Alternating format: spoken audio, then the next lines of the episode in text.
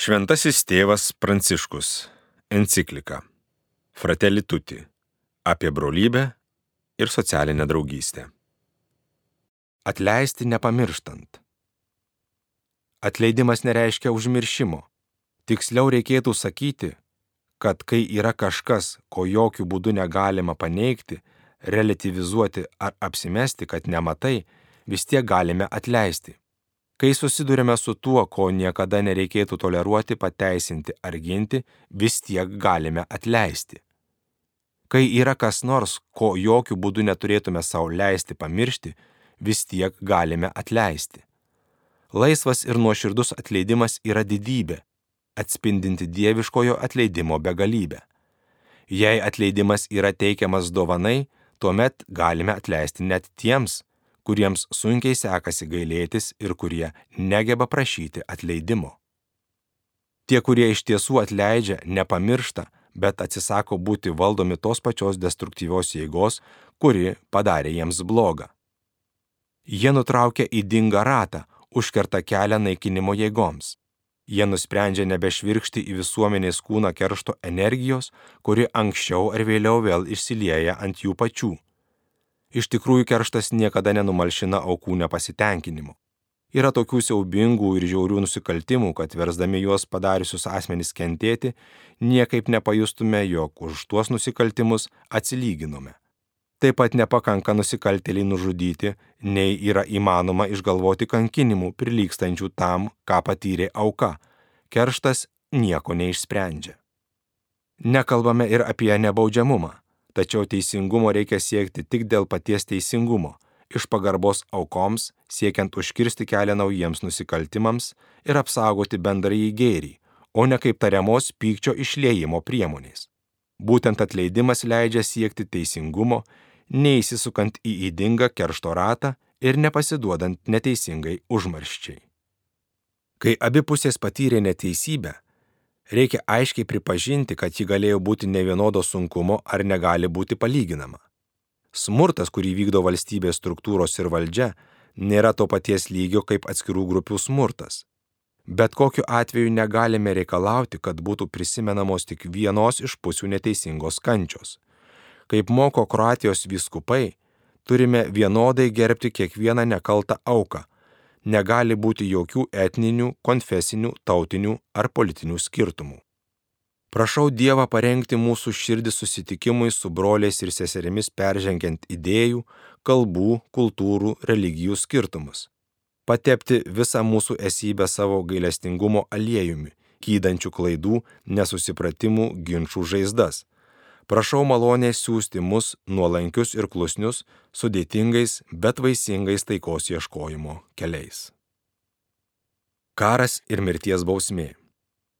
Egzistuoja du kraštutinumai, kurie ypač dramatiškomis aplinkybėmis gali būti pateikiami kaip sprendimai, neįspėjant, kad tai klaidingi atsakymai. Jie neišsprendžia problemų, kurią siekia įveikti ir galiausiai tik papildo tautos ir pasaulio visuomenės terpę naujais destrukcijos veiksniais. Tai karas ir mirties bausmė. Karo neteisingumas. Apgaulė yra širdyse tų, kurie rengia piktą, o duodantiems taikingą patarimą džiaugsmas. Tačiau kai kurie sprendimų ieško kare, kuris dažnai yra kurstomas per iškreiptus santykius, ambicijas viešpatauti, piknaudžiavimą valdžia, bijant kito ir jo skirtingumo, kuris suvokiamas kaip kliūtis. Pasauliui tampa vis sunkiau lietai judėti į priekį taikos siekimo kelyje, kuriuo ryžosi eiti ir kuris pradėjo duoti kai kurių vaisių. Kadangi vėl sudaromos sąlygos karams plisti, primenu, kad karas yra visų teisių paneigimas ir dramatiškas aplinkos darkimas. Jei trokštame visų tikrai visapusiško žmogiškojo vystimosi, privalome nenuilstamai stengtis vengti karo tarp šalių ir tautų. To siekiant būtina laiduoti neginčiamą įstatymo viršenybę ir nenuilstamas pastangas dėrėtis, tarpininkauti ir būti arbitru, kaip siūloma Junktinių tautų hartijoje, kuri yra tikrai pamatinė teisinė norma. Noriu pabrėžti, kad 75 Junktinių tautų veiklos metai ir pirmųjų 20 šio tūkstantmečio metų patirtis rodo, jog visapusiškas tarptautinių normų taikymas yra tikrai veiksmingas, o jų nevykdymas žalingas. Jungtinių tautų hartija, kurios laikomasi ir kuri taikoma skaidriai ir nuoširdžiai, yra privalomas teisingumo, orientyras ir taikos priemonė. Tačiau tam reikia nemaskuoti neteisėtų ketinimų ir neiškelti konkrečių vienos šalies ar grupių interesų aukščiau už bendrą pasaulinę gerovę.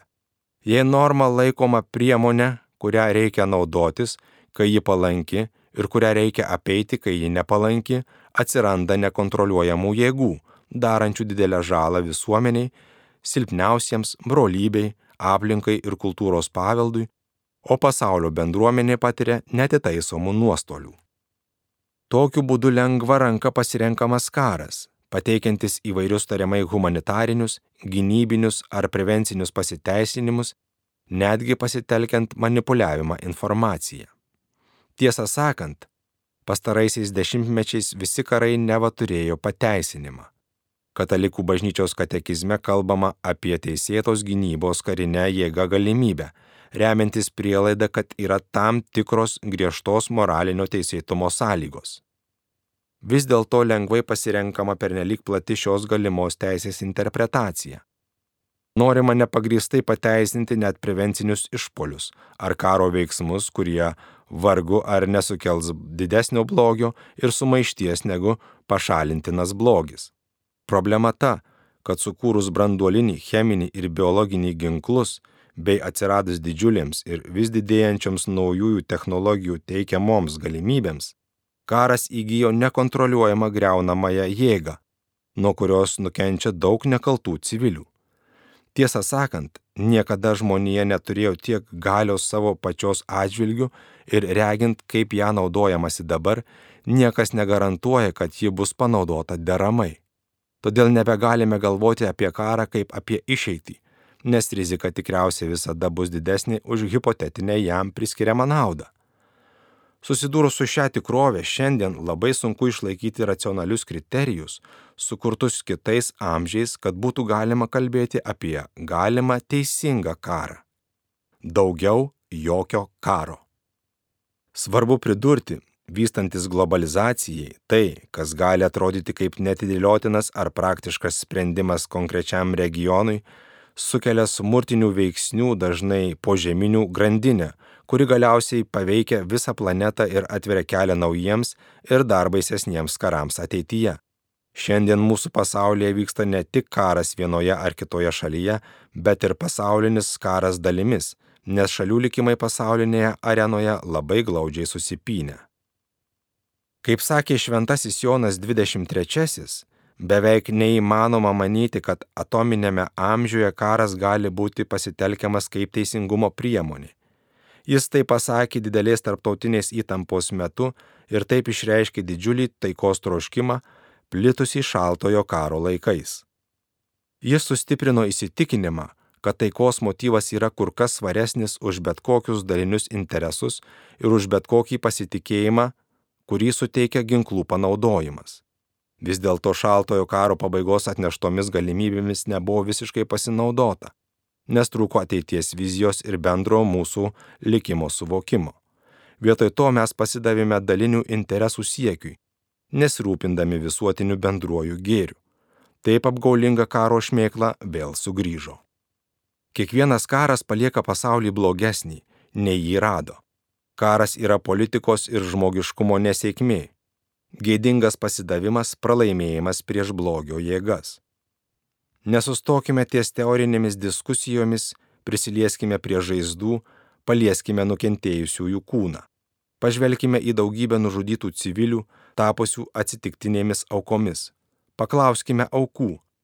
Atkreipkime dėmesį į pabėgėlius, į nukentėjusius nuo atominės radiacijos ar cheminių atakų, į moteris netekusias savo vaikų į vaikus, kurie buvo suluošinti ar iš kurių atimta vaikystė.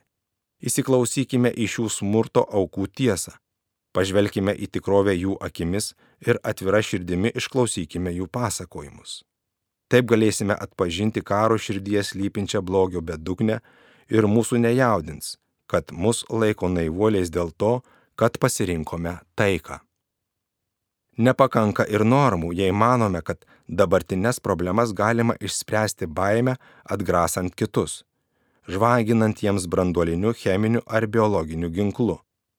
Reikia atsižvelgti į pagrindinės grėsmės taikai ir saugumui, turinčias daugybę aspektų šiame 21-ojo amžiaus daugiapoliame pasaulyje.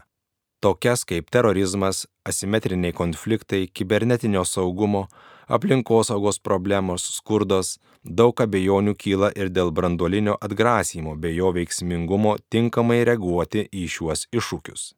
Šie nuogastavimai dar labiau sustiprėja, kai atsižvelgiame į katastrofiškas humanitarinės ir aplinkosauginės pasiekmes, kurią sukeltų bet koks brandolinio ginklo panaudojimas, nes jo naikinamasis poveikis būtų betodairiškas ir nekontroliuojamas laike ir erdvėje. Taip pat turime savęs paklausti, kiek tvari yra baime pagrįsta pusiausvyra, kai ji iš tikrųjų didina baimę ir greuna pasitikėjimo santykius tarp žmonių. Tarptautinė taika ir stabilumas negali būti grindžiami netikrų saugumo jausmu, abipusio sunaikinimo ar visiško susinaikinimo grėsme, paprasčiausių jėgų pusiausvyros išlaikymu. Atsižvelgiant į tai, galutinis tikslas visiškai panaikinti branduolinius ginklus tampa tiek iššūkių, tiek ir moralinių bei humanitarinių imperatyvų. Didėjanti tarpusavio priklausomybė ir globalizacija reiškia, kad bet koks atsakas į branduolinių ginklų keliamą grėsmę turi būti kolektyvinis ir suderintas, grindžiamas tarpusavio pasitikėjimu. Tai galima pasiekti tik per dialogą, nuoširdžiai orientuota į bendrąjį gėrį, o ne į užslėptų ar konkrečių interesų gynimą.